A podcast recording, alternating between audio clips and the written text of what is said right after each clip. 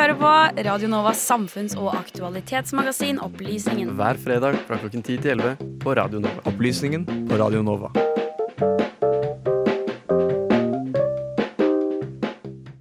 Ja, Benjamin, nå har vi jo eh, på et vis, på et vis i hvert fall, lagt eh, pandemien bak oss, selv om det, du skal høre senere at det er på en måte feil, det òg.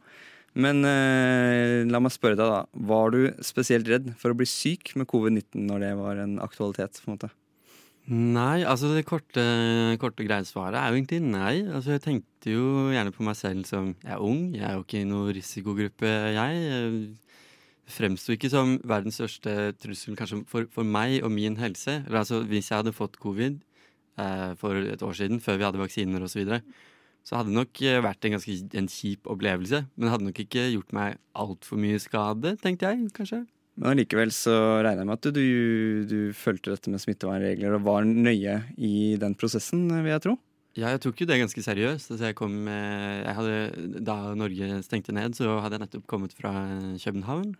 Og da var det jo eh, rett inn eh, karantene. Jeg tror det var til og med to uker på den tiden. Dette er det karantene hjemme. To uker.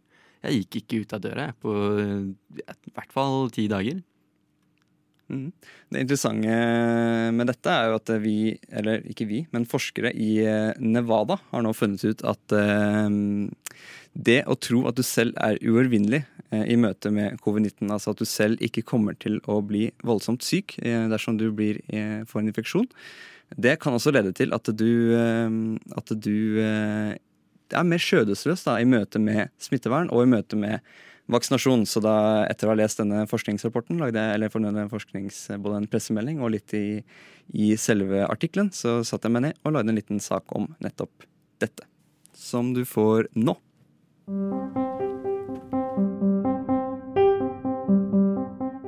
Forskere ved universitetet i Nevada, ledet av førsteamanuensis James Leonhardt, tok tak i tall fra en stor spørreundersøkelse gjennomført av MIT og Facebook for å undersøke hvorvidt det har noe å si at enkelte tror de kan bli smittet av covid-19 uten at det skaper store problemer for dem.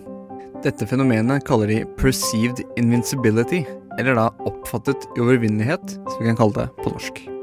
Det er kanskje ikke feil for mange å anta at de ikke hadde blitt dødssyke av en eventuell covid-19-infeksjon. Problemet er derimot at man fremdeles kan spre viruset videre til de man omgås, selv om man ikke blir syk selv. Da man fremdeles kan være smittsom, selv om man ikke har tydelige symptomer. Dermed kan skjødesløst smittevern på personlig nivå virkelig svekke det kollektive smittevernet.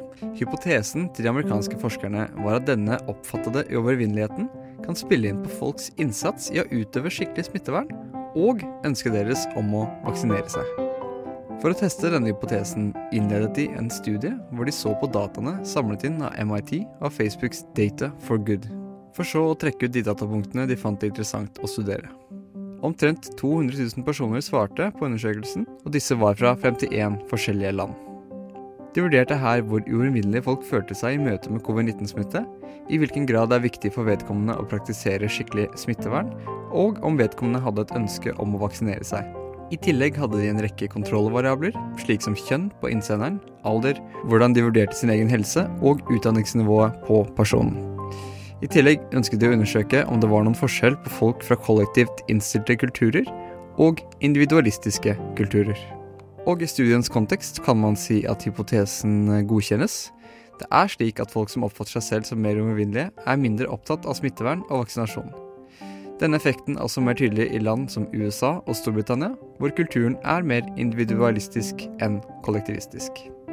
Forskerne mener dette viser at man må ta både kulturelle og individuelle faktorer til grunne når man kommuniserer med offentligheten i lignende fremtidige seminarer som minner om covid-19-pandemien. De mener man burde ha et fokus på kommunikasjon som oppfordrer til kollektiv handling, og da spesielt i kulturer hvor individet står sterkt. Reporter i denne saken, det var meg, Sebastian Hagel, og lyden du hørte var hentet fra eh, nettstedet blue.sessions. Nå skal du få høre Kristin Dahl med låta Fast her i Opplysningen på Radio Nova.